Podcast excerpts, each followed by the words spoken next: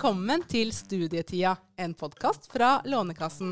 Jeg heter Hege Paulsen Brotner. Og jeg heter Hanne Bjertnæs. Og det her er podkasten der vi møter kjente mennesker og tar en tidsreise tilbake til denne deilige, kjipe, rare studietida.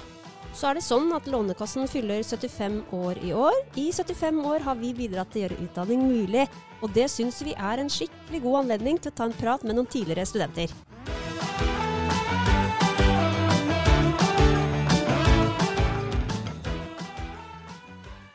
I dag har vi hatt besøk av Norges mektigste student. Ja, og Hun heter Maika Marie Godal Dam og er leder av Norsk studentorganisasjon. Og i motsetning til de andre gjestene som studerte for lenge siden, så er jo hun fortsatt student og kan gi oss liksom svar på hvordan det er å studere i dag. Ja, og overordnet så sier hun at studentene gjør mer av alt i dag. Ja, vet du hva, jeg ble nesten litt sliten av å høre om det. Jeg syns det var spennende. La oss høre på praten.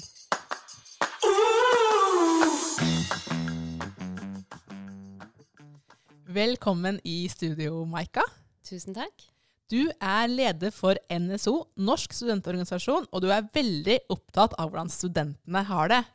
Eh, og du er eh, også selv student, men du har permisjon nå for å være NSO-leder. Men du har med deg en eh, bachelorgrad i sammenlignende politikk fra Universitetet i Bergen. Og jeg lurer på, hvordan er det å være student i 2022? På mange måter så tror jeg det er eh, veldig likt å være student i 2022 som det det alltid har vært å være student. Det er jo noen ting som, som går igjen, ikke sant. Eh, for mange så blir man student eh, tidlig i livet og skal lære seg både bli voksen og finne, finne ut av ting på egen hånd. Det, sånn er det fortsatt for veldig mange studenter, og sånn var det for meg. Um, og så er det nok noen ting som er, er annerledes, som handler om hvordan vi som samfunn er blitt og har utvikla oss. Ja, hva da tenker du på? Da tenker jeg kanskje særlig på at jeg opplever at uh, vi i dag er mer opptatt av å prestere på alle fronter. Uh, jeg tror at studentene i dag uh, de leser mer og studerer mer. De spiser ikke spiser mer. Trener mer, er mer opptatt av hvordan de spiser, fester mer. Alt er liksom ganget opp på, på, på nivå, da. Um, så jeg tror det er et enormt press for veldig mange studenter i, i dag uh, på å levere, rett og slett. Uh, vi er jo født, i, født med gullskje i munnen, munnen, vil noen si. Um, og det tror jeg også at det er høye, skaper høye forventninger da, for mange studenter. Mm. Tror du studenter er mer liksom, slitne i dag enn det de har vært tidligere? Altså, det er jo noen som, eh, som, beskriver eller spør om eh, vi studenter ja, vi slapper vel bare av og nyter livet og sitter og drikker øl. Eh, det er jo ikke en beskrivelse jeg er enig i. Jeg opplever at studentene er veldig opptatt av å levere og være flinkiser på veldig mye. så ja, tror at, at, det også gjør at man blir, blir sliten. Men du Maika, du er jo øh, oppvokst med besteforeldre som har vært øh, politikere. Altså Bjørn Tore Godal og Sissel Rønbeck er besteforeldrene dine. Mm. Uh, begge har vært statsråder. Så du har jo fått den politiske interessen inn med morsmjelka så godt som det. Uh, og når bestemte du deg for å studere sammenlignende politikk? Det er et godt spørsmål. Um, kan jo starte der, da. Ja, jeg har vokst opp i en uh, veldig politisk interessert familie. Uh, og er veldig vant til at uh, vi rundt julemiddagen diskuterer politikk. Og er det, er det i år uh, dronninga kommer til å dø, og er det i år det blir regjeringsskifte? det er helt vanlig tema rundt middagsbordet, så jeg tror jeg veldig tidlig hadde en interesse for politikk. Mm. Jeg vet også at da jeg var veldig, veldig ung, så sto pappa på, på gata og solgte Klassekampen med meg på skuldrene, f.eks. Um, så det er nok en interesse jeg alltid har hatt. Men når jeg bestemte meg for at det skulle bli sammenlignet politikk, det tror jeg vel kanskje var på ungdomsskolen, da. Da tenkte jeg ah, statsvitenskap, det hørtes jo spennende ut. Men det var jo litt mye, så da var det kanskje mer interessant å gå, gå inn for sammenlignende politikk, som også er et fag i en veldig veldig fin studieby som jeg hadde lyst til å studere i. Og det valget var foreldrene dine og besteforeldrene dine fornøyde med? At det gikk den retningen? Det vet jeg ikke. De har alltid gitt meg stor frihet til å velge det jeg har hatt lyst til. Men det er klart at når jeg har brukt mye av min fritid på å være politisk aktiv og alltid vist et engasjement for det, så tror jeg de også anerkjente at det, eh, det er et valg jeg ønsker å ta. Eh, så tror jeg mamma var veldig opptatt av å spørre meg om ok, men er det, er det ditt valg, er det fordi du har lyst? Mm. Det viktigste er at du ønsker å, å, gjøre dette, ikke at vi eh, tenker at det er en god idé. Så Mm. alltid opplevd stor frihet der, da. Mm, mm. Men du er egentlig fra Oslo, og så dro du da over fjellet til, eh, til Bergen. Og hvordan var det å være fersk student i Bergen? Det var helt nydelig. Eh, jeg tror at det er bra å dra til en annen by og starte å studere. Det er noe med å bryte opp med alle de mønstrene man har vært i veldig lenge, gjennom hele skoleløpet og hele barndommen. Eh, og jeg opplevde enorm frihet ved å komme til Bergen. Eh, både fordi det var rom og plass til å finne meg sjøl og eh, ja, få nye vennskap og bli kjent med, med livet på en litt annen måte, da. Um, ja, og så er Bergen veldig veldig fin studieby. Eh, mer intens. Alle studentene er samla på ett sted. eh, og det er fantastisk. Men var du alene, eller dro du sammen med noen venner, kjente? Jeg var veldig heldig. Eh, jeg bodde i København etter at jeg var ferdig på videregående. Eh, og en av de venninnene jeg hadde på videregående, hun eh, studerte i Bergen og hadde dratt to år før meg, da. Eller ett år. Så skulle hun og de hun bodde med, flytte. Og hadde en plass til da, i et kollektiv til Ja. meg. Eh, Så jeg flytta jo inn i et kollektiv og bodde der i ett og et halvt år den tida jeg var i Bergen, sammen med, med de tre jentene. Det, så jeg fikk en veldig god start da på studietida, kan man si. Eh, Det var mange ting jeg ikke nødvendigvis måtte finne ut av på den måten. Jeg kom jo til eh, et ferdig rigga kollektiv. Og hvordan var eh, livet i det kollektivet? Noe av det um, jeg husker best, var at leiligheten lukta jo plutselig av tre nye mennesker eh, og tre nye ting. Eh, og um, at det, det var Skulle liksom venne seg til at ting eh, var veldig annerledes. Og man hadde ulike rutiner og ulike matvaner og ulike måter å være på, ulike ting som skapte trygghet i hjemmet. Um, ja, det var et veldig fint kollektiv, men ja. Det er nye ting å skulle deale med vaskelister og uh, fire ulike kartonger med melk med navn på og Men dere blei ble dere som en liten familie? Familie og familie. Uh, jeg var i hvert fall veldig, veldig glad i de tre. Eh, og satte veldig pris på den tida vi hadde sammen, og det føltes eh, som et veldig trygt sted å, å være. Og så var vi veldig forskjellige. Eh, det, det var vi. Og det, sånn tenker jeg også at det skal være når man flytter inn i et kollektiv med, med tre mennesker man ikke kjenner på så nært hold fra før av. da. Men eh, du sier jo at du har vokst opp med politiske diskusjoner eh, hjemme. Og hvor lang tid tok det fra du liksom landa i Bergen til du begynte å engasjere deg i studentpolitikk? Jeg hadde bestemt meg eh, da jeg dro til Bergen for at det jeg ville, var eh, å melde meg opp til stille til valg til studentparlamentet. Eh, og valget gjøres i eller var liksom i januar-februar. Man måtte begynne å si at man hadde lyst til å stille til valg. da. Eh, så da tenkte jeg perfekt, da har jeg fire-fem måneder til å komme inn i det å studere. Lære meg å lese, kanskje finne en deltidsjobb, eh, den type ting. Og så i januar stilte jeg opp på et eh, listemøte og sa hei, jeg vil gjerne stå høyt opp på deres liste. Håper dere vil ha meg. Eh, og så sa de Så fikk jeg lov til det, da. Ja. Ja. Og ble valgt inn. Ja, det er bra. Hvordan, hvordan liksom torde du det? Jeg har ikke vært redd for å stille opp til ting. Det har jeg ikke. Uh, det verste som kan skje, er jo at eh, de sier nei, vi har ikke plass til deg på lista, og så er livet det samme etterpå. Um, ja. Og så er jo det en måte å utfordre seg sjøl på, uh, som jeg syns er Det kiler litt i magen, og det er litt spennende og skummelt, Mm. selvfølgelig. Men det er også en følelse jeg liker veldig godt, da. Men du, ta oss litt tilbake til studiehverdagen.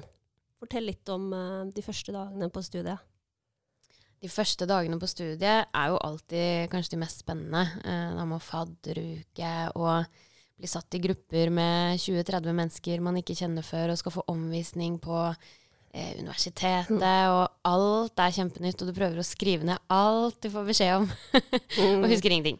Um, det var veldig, veldig spennende, og det var så mye nye inntrykk.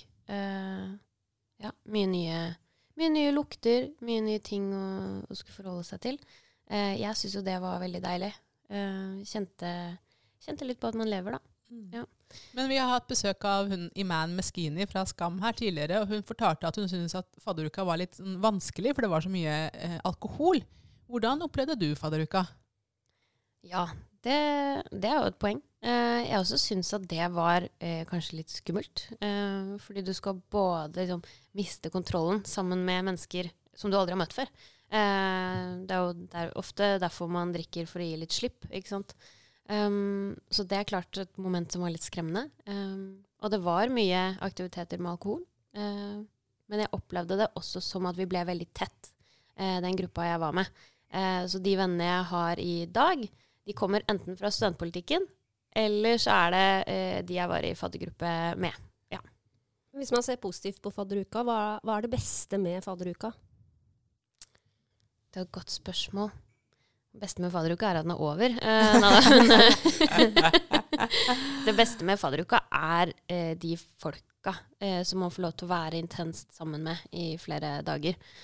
som også dannet måte, grunnlaget for å sitte og lese sammen, for å sitte og spise lunsj sammen i kantina etterpå. Um, så det beste med fadderuka var vel kanskje tida etter, når man hadde et, et trygt sosialt nettverk og, og, noen å være sammen med. Da. Mm. Mm. Men da jeg studerte, det var vel sånn 10-15 år før deg, så var det jo mye øl og fest i monitor. Uh, og nå har jeg liksom lest mye om at uh, studentene er så mye mer ordentlige. Altså, Fester studentene fortsatt, eller har det liksom blitt mye mer sånn ordentlige folk? Som jeg var litt inne på i stad, jeg tror studentene fester mer, trener mer, leser mer, gjør litt mer av alt. Uh, og det kan man jo kalle ordentlig. Ja, Men hvordan får man til det? Hvordan klarer man å gjøre mer av alt? Ja, uh, man kan jo klare det meste, men om det er sunt, det er et annet spørsmål. Og jeg tror kanskje ikke det er eh, veldig sunt. Eh, jeg tror at vi trenger større ro på eh, det livet man også lever som student. For som ung, da, eh, og som student, og den følelsen jeg kjenner meg veldig igjen i, så tenker man liksom at man kan klare alt. Og man kan overvinne verden. Eh, men det gjør jo også at man blir sliten, da. Mm. Eh, I lengden. Mm. Det kom jo nylig en sånn SHoT-undersøkelse som viser at flere studenter enn tidligere sliter med psykisk helse. Hva tenker du om det? Ja, og det kom også en levekårsundersøkelse for studenter som viser at studenter jobber til sammen med studie og jobb 50 eh, timer i uka. Jeg tror de tingene henger sammen. Eh, absolutt. Eh, når du ikke har tid da, til å ta vare på deg selv, til å ta det med ro, til å være sammen med de du er glad i, til å ta et pust i bakken, eh, så tror jeg også det går utover din psykiske helse. Ingen tvil om det. Men finner man muligheter for å ta pust i bakken? Jeg tror at det rommet for å ta det pust i bakken er blitt mindre. Mm. Men hva vil du si har vært det gøyeste i studietida di så langt? Det gøyeste i Ja, å, det er et vanskelig spørsmål. Eh, det er veldig mye gøy ved det å være student. Eh, jeg er nok såpass nerd at jeg syns de beste minnene har jeg fra å sitte i forelesningssalen. Eh, og det å sitte langt bak og få de der lyspærene som går opp oppi huet. Eh, og man er sånn Oi, er det sånn ting henger sammen? Og det er så mange av de opplevelsene, da. Eh, så jeg har veldig gode minner fra det å sitte i forelesningssalen tidlig om morgenen, være kjempesliten, og så likevel skjønne utrolig vanskelige ting. Eh, ja, det tror jeg er det aller, aller beste med studietida. Er du en aktiv student i forelesningssalen? Jeg er nok ikke så aktiv. Uh, jeg vet ikke, jeg blir litt sjenert i sånne forelesningssituasjoner og tenker at uh, ja, jeg er her for å lære. Mm. Uh, jeg er her for å få sugd til meg kunnskap, ikke nødvendigvis for å vise hva jeg kan fra før av. For da hadde jeg jo ikke sittet i den forelesningssalen. Men så har du jo seminarer og andre ting ved siden av. Der er jeg nok aktiv. Uh, da føler jeg på en ansvarsfølelse. Da. Sånn, ja, men noen må jo si noe. Da, noen må ta ansvar her for at diskusjonen går videre. Eh, så der har jeg nok tatt større plass enn i selve forelesningene. Mm. Hvordan er du som student, da? Er du en skippertakstype, eller er som jobber jevnt og trutt? Uh, jeg er veldig glad i å sitte og notere og tusje og uh, merkelapper og, og sånne bøker. Uh, så jeg er nok glad i å lese, um, og gjerne hele året. Men jeg har jo også vært veldig glad i studentpolitikk, da. og da, det er ikke alltid de to tingene går opp samtidig. Eh, så jeg er nok skippertaksstudent også, eh, men ikke fordi jeg eh, nødvendigvis har villet det. Så de beste semestrene, der hvor jeg har vært flinkest til å være student, var nok første og andre semester. Og kanskje under pandemien, for da var det ikke så mye annet å gjøre. Men er det noe du husker som du tenker har vært vanskelig i studietida, og kanskje særlig med overgangen til å bli student? Ja, jeg husker at jeg følte meg mye ensom. Jeg hadde flytta hjemmefra. Og også flyttet fra vennene mine, og jeg bodde jo i København hvor jeg hadde en kjæreste som jeg slo opp med rett før jeg ble student. Eh, så den følelsen av å være litt sånn alene i verden, den er både veldig god, eh, og kan også bidra til å pushe en inn i masse ting som man kanskje ikke ville gjort ellers. Eh, på, på, en god måte. Eh, men det er jo også noe vondt ved det å kjenne på at man er, eh, man er ensom, da. Mm. Og fortsatte det da du flytta inn i det kollektivet? Ja, jeg var nok ensom da også. Um, det var jeg nok. Uh, men tror også at det, det bidro til at jeg oppsøkte f.eks. studentfrivilligheten. Jeg begynte å danse boogie-woogie-swing. Uh, for å møte liksom, et, et, nettverk av andre studenter. Uh, var en del på Kvarteret, som ligger i Bergen.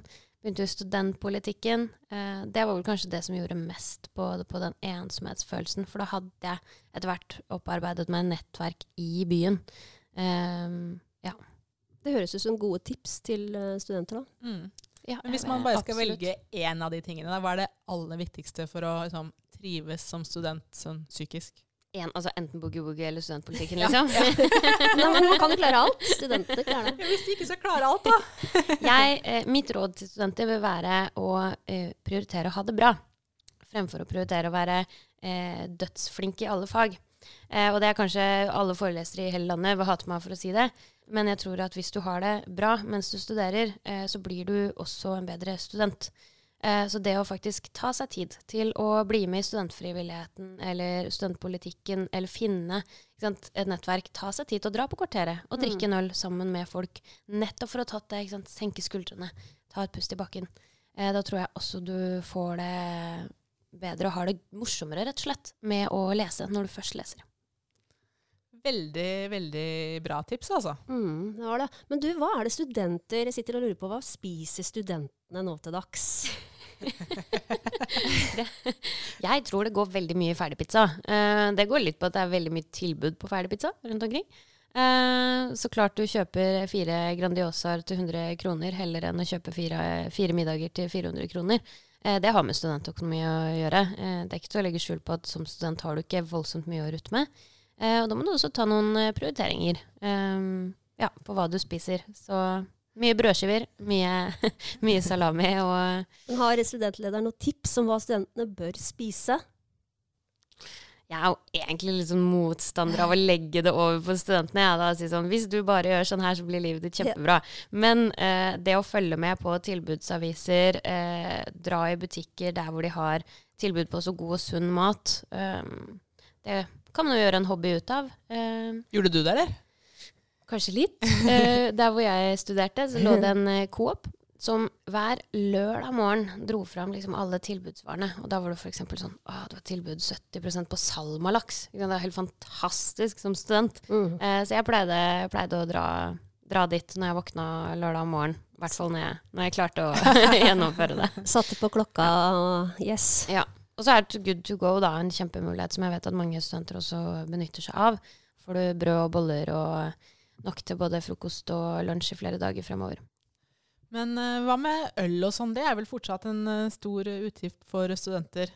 Jeg tror ikke det er så mange studenter som går ut og kjøper øl på de samme stedene som, uh, som man kanskje tar seg råd til uh, seinere i livet. mange som kjøper øl på butikken og drar hjem og sitter sant, hjemme i ulike kollektiver. Det husker jeg så veldig godt fra Bergen. At det å gå rundt på høyden, da kunne man liksom peke ut sånn ah, det kollektivet der, der er det alltid fest. Eller sånn. Og det, sånn er det ikke sant, i flere generasjoner studenter. Fordi det er de samme utleieleilighetene eh, som leies ut til studenter, og eh, som passer seg, eller som er store nok til å ha folk på besøk. Da. Eh, så det har hendt at jeg har gått, med, gått rundt i Bergen med noen som har vært studenter før meg eh, som har pekt på sånn mm. Å, der husker jeg vi var masse på fest, hvor jeg kunne si sånn Å, det var vi også. Ja. Mm. veldig gøy. Men du har jo vært litt inne på det, Maika. Men jeg må bare spørre, hva tror du er den største forskjellen på å være student i dag og si for eh, 30 år siden, da? Jeg tror at den største forskjellen eh, handler om studentøkonomi. Eh, sett opp mot de prisene som er i resten av samfunnet, og prisene på eh, leiemarkedet, altså det å bo, det er blitt veldig mye dyrere. Og der henger ikke studentøkonomien med, eh, er i hvert fall min mening. Eh, og det har vi ganske gode tall på også. Eh, så det gjør jo at studentenes kjøpekraft, sett opp mot hva det koster, er blitt dårligere. Og da må man også spare, spare mer. Um, ja, så det tror jeg er en forskjell. Og da er jo konsekvensen for mange da, at man jobber mer ved siden av. Sjøl har jeg alltid hatt eh, jobb som eh, student. Jeg jobba på kafé. Eh, det er også sånn sparetips, da. Jeg jobba der og tok med meg alle restene hjem, og så skrapet jeg pålegget av brødskivene.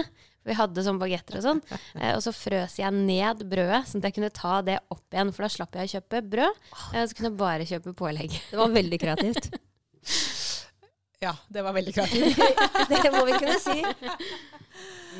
Så sparetips er da å jobbe på en kafé der du får med, får med deg restene. Ja, du Jobb et sted eh, hvor du også får noen eh, frynsegoder. Fordi lønna eh, på de fleste av disse deltidsjobbene studentene tar, er ikke alltid ja, Den henger ikke høyt oppå der, altså. Det gjør den ikke. Men du, er det her den største bekymringen du har for studentene? Økonomien? Jeg har to store bekymringer. Det ene er dette med studentøkonomi, som jeg tror påvirker veldig mange ting. Det påvirker eh, hvor mye du jobber, hvor godt du tar vare på helsa di, eh, hvor mye fritid du har. Eh, og så er det dette med å få litt ro på hverdagen som student. Eh, og de tingene, de henger sammen. Ja. Mm. Men hvordan burde studiestøtten sett ut, eh, tenker dere i NSO, for at det skulle vært greit å være student? Vi mener at studiestøtta skal være på det som tilsvarer 1,5 ganger grunnbeløpet i folketrygden. Det er litt sånn tung ting å si, ja. eh, men grunnbeløpet i folketrygden eh, justeres i større grad etter den prisveksten som man ser i resten av samfunnet. Det betyr jo for studentene at man får være med på den utviklinga som skjer, istedenfor å hele tiden falle litt til bakpå, eller litt mer bakpå. Eh, I kroner og øre så tilsvarer det vel rundt 40 000 kroner eh, mer i året for en gjennomsnittsstudent. Hvordan tror du din studietid ville vært annerledes hvis du hadde hatt 40 000 mer? Jeg tror fortsatt jeg hadde jobba, men jeg tror at jeg i mye mindre grad ville vært avhengig av den jobben. Eh, for meg så valgte jeg å jobbe fremfor f.eks. obligatorisk undervisning eller eh, forelesninger eller andre ting som jeg burde fått med meg. Rett og slett fordi at hvis jeg skulle beholde den jobben, eh, så får du de skiftene du får. Og jeg kan ikke både ikke møte på jobb, da mister jeg jo jobben, ikke sant. Um, så for meg hadde det utgjort en forskjell, da, at jeg kanskje kunne brukt mer tid på å være student, med alt det det innebærer. For det å jobbe, det var ikke å være student. Men hva er eh, det aller beste rådet du har til um, de som nå skal ut og begynne å studere? Finn ditt lokale studenthus eh, og din lokale studentforening. Eh, der eh, møter du et fellesskap mm. som jeg tror er viktig å finne tidlig. Eh, og møte folk med samme interesser og som er like overrasket over at X-Fill kunne være gøy, eller omvendt. eh, og det tror jeg må til da, for å, for å, trives som student. Du skal være student i hele tre år, og det høres kanskje ikke så mye ut, tre eller fem, men det er en stor del av livet. Eh, mm. Eh, og det å komme tidlig i gang og finne folk du trives med allerede fra start, det tror jeg er avgjørende. Men du da, når du, når du er ferdig som NSO-leder, det er jo en god stund til, eh, og det er fint, eh, men hva skal du gjøre etter det? Jeg har kommet inn på en master eh, på Universitetet i Oslo. Um, så kanskje begynner jeg der. Kanskje finner jeg på noe annet. Um, men det blir studier? Ja, jeg har jo egentlig lyst til det, men jeg har ikke lyst til å være fulltidsstudent igjen, hvis jeg skal være helt ærlig. Uh, og det handler nok om at, um, at studentøkonomien er såpass svak, da. Uh, at jeg tror det er utfordrende å skulle gå tilbake til en studenttilværelse hvor jeg bare studerer. Uh, ideelt sett så skulle jeg gjerne gjort det, men, uh, men, det frister rett og slett ikke. Så om det blir en kombiløsning med å studere en master på deltid og jobbe på deltid, ja. Mm. Men vurderer du å reise til utlandet for å studere? Jeg gjør ikke det. Uh, jeg er såpass hjemmekjær eh, og glad i det vante. Um, jeg liker jo en utfordring, åpenbart. Jeg har stilt henne NSO-leder. men, uh, men, jeg er glad i, glad i folk uh, Jeg er glad i de jeg er glad i. Uh, og jeg liker å ha de menneskene rundt meg. Um, så jeg har vært to år i København, som mine som friår mellom videregående og, og universitetet. Og har ikke noe sånn voldsomt stort behov for å reise ut igjen. Men hvordan tror du det blir, og, og om det blir deltid eller heltid, men det å liksom bli student igjen etter å ha vært i arbeidslivet et år, hvordan tror du det blir?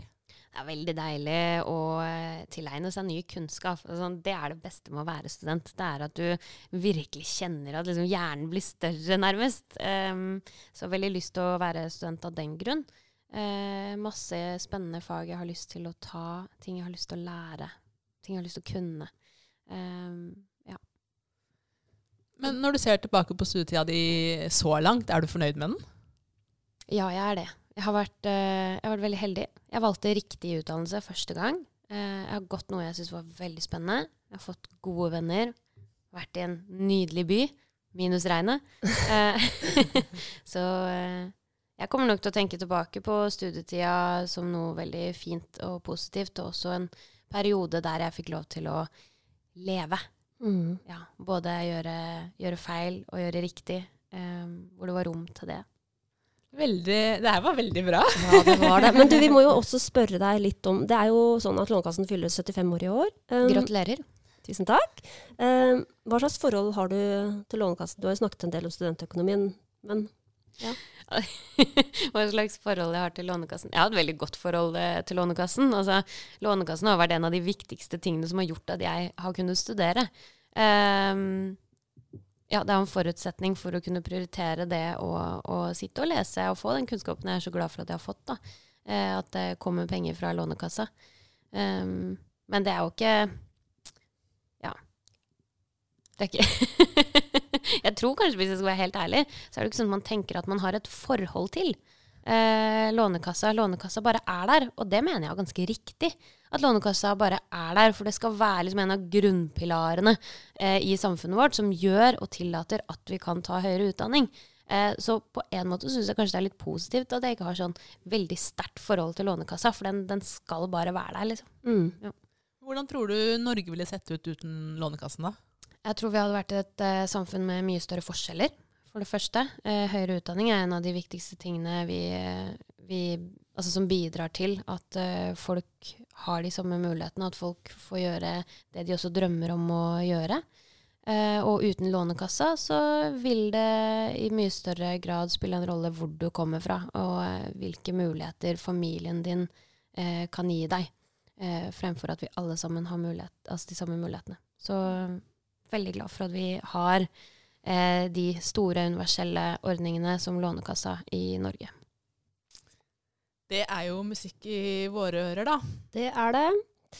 Men eh, vi har eh, Vi har noen faste spørsmål som vi tar til slutt. Skal vi ta de nå? Ja, og det, du er litt forberedt på det, fordi jeg har lyst til å si at du har jo med deg et, eh, en liten fin bok her. Og et av spørsmålene er ei bok som har festa seg for studietida. Hva er det du har med deg?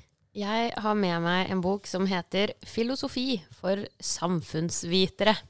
Eh, det var min første, første lærebok. Første pensumbok. Og den har jeg altså lest fra eh, perm til perm. Eh, og markert i hele boka med ulike farger. Jeg tror jeg har slitt ut tre sånne markeringstusjer på den boka her. Eh, og grunnen til at jeg har tatt med den, er at det er særlig én ting jeg husker at jeg leste. Og jeg Jeg vet ikke om jeg fikk en åpenbaring, eller sånn, men det bare sto igjen som et veldig viktig eh, sitat i boka for meg. Og det handlet om hvilke muligheter man velger å ta og ikke. Eh, så jeg tenkte jeg skulle lese det sitatet, hvis det er greit. Vær så god. Og så får dere jo ikke hele konteksten, av for det er en lang bok. Eh, kroppen utgjør bare situasjonen, men innenfor situasjonen finnes det alltid muligheter. Det å være sine muligheter er å være det man ikke er. Kvinnen må innse at hun er et intet som på nytt og på nytt kan velge hvem hun vil være. Det er slik det er å være fri. Det var Eh, veldig fint. Ja, det var det. Um, så det handler om at, um, at man alltid har noen muligheter. Uh, og man har alltid noen valg man kan ta innenfor en gitt situasjon. Du kan ikke benekte at det er noen ting rundt deg som også bestemmer hvilke muligheter og, og valg du kan ta. Eh, men det å si at man ikke har noe valg, det stemmer som regel ikke. Da har du valgt å ikke gi deg selv et valg. Eh, så den, den gjorde inntrykk, da. Og boka er skrevet av han som underviste i faget. Så jeg har også sagt til ham at jeg syns han skriver veldig godt. Jeg anbefaler alle, selv om de ikke er samfunnsvitere, å lese, lese denne boka. Den Mm. er morsomt skrevet. Kult. Du, um, ei låt som minner om eh, studietida? Ja. Eh, det var en sang jeg hørte veldig mye som het eh, Tropicana. som er av Gorilla Vanilla. Eh, ikke, ikke en veldig kjent sang. Eh, men grunnen til at jeg husker den veldig godt, er bl.a. fordi de spilte den på Kaos kafé i Bergen. Og da hadde jeg hørt den på repeat sant, i to døgn, eller noe sånt. Så kom jeg inn på den kafeen for første gang, og så var jeg sånn De spiller den sangen her! Eh, og Kaos kafé ble mitt sånn faste lesested eh, den tida jeg var i Bergen. Eh, jeg liker å ha litt sånn støy og liv rundt meg. Jeg liker at det lukter av kaffe og våte gummistøvler, holdt på å si. Eh, så det, det, ble et sånn fast holdepunkt for meg. Og den sangen minner veldig om, om det stedet. Du, eh, Maika, hva vil du si er smaken av studietida? Jeg vil si at smaken av studietida er sånn Kjeltberg filterkaffe fra presskanne. Det gikk det altså så mye av. Um, det er det sånn konkrete svaret. Hvis jeg skal gi et litt annet svar, så vil jeg si at smaken av studietida kanskje er eh, livet, eller sånn. Det, det, så, det, var så mye. Det var så mye smaker av studietida. Fordi alle de stedene du drar, smaker på noe nytt. Og det er jo det som er fantastisk med studietida at uansett eh, liksom, Du bor i kollektiv med tre ulike mennesker. Du drar eh, på forelesninger hvor det har sittet 100 andre mennesker før deg som har eh, ja, luktet ulike ting. Og det er så mye inntrykk, da. Og Bergen by lukter jo alt mulig rart, fra kebab til regn til eh, ja. Mye regn, i hvert fall, er min, mitt minne. Mm. Men du Maika, det har vært uh, utrolig fint å ha deg her og få høre om din studietid, og litt mer om hvordan det er å være student i 2022. Takk for at jeg fikk komme.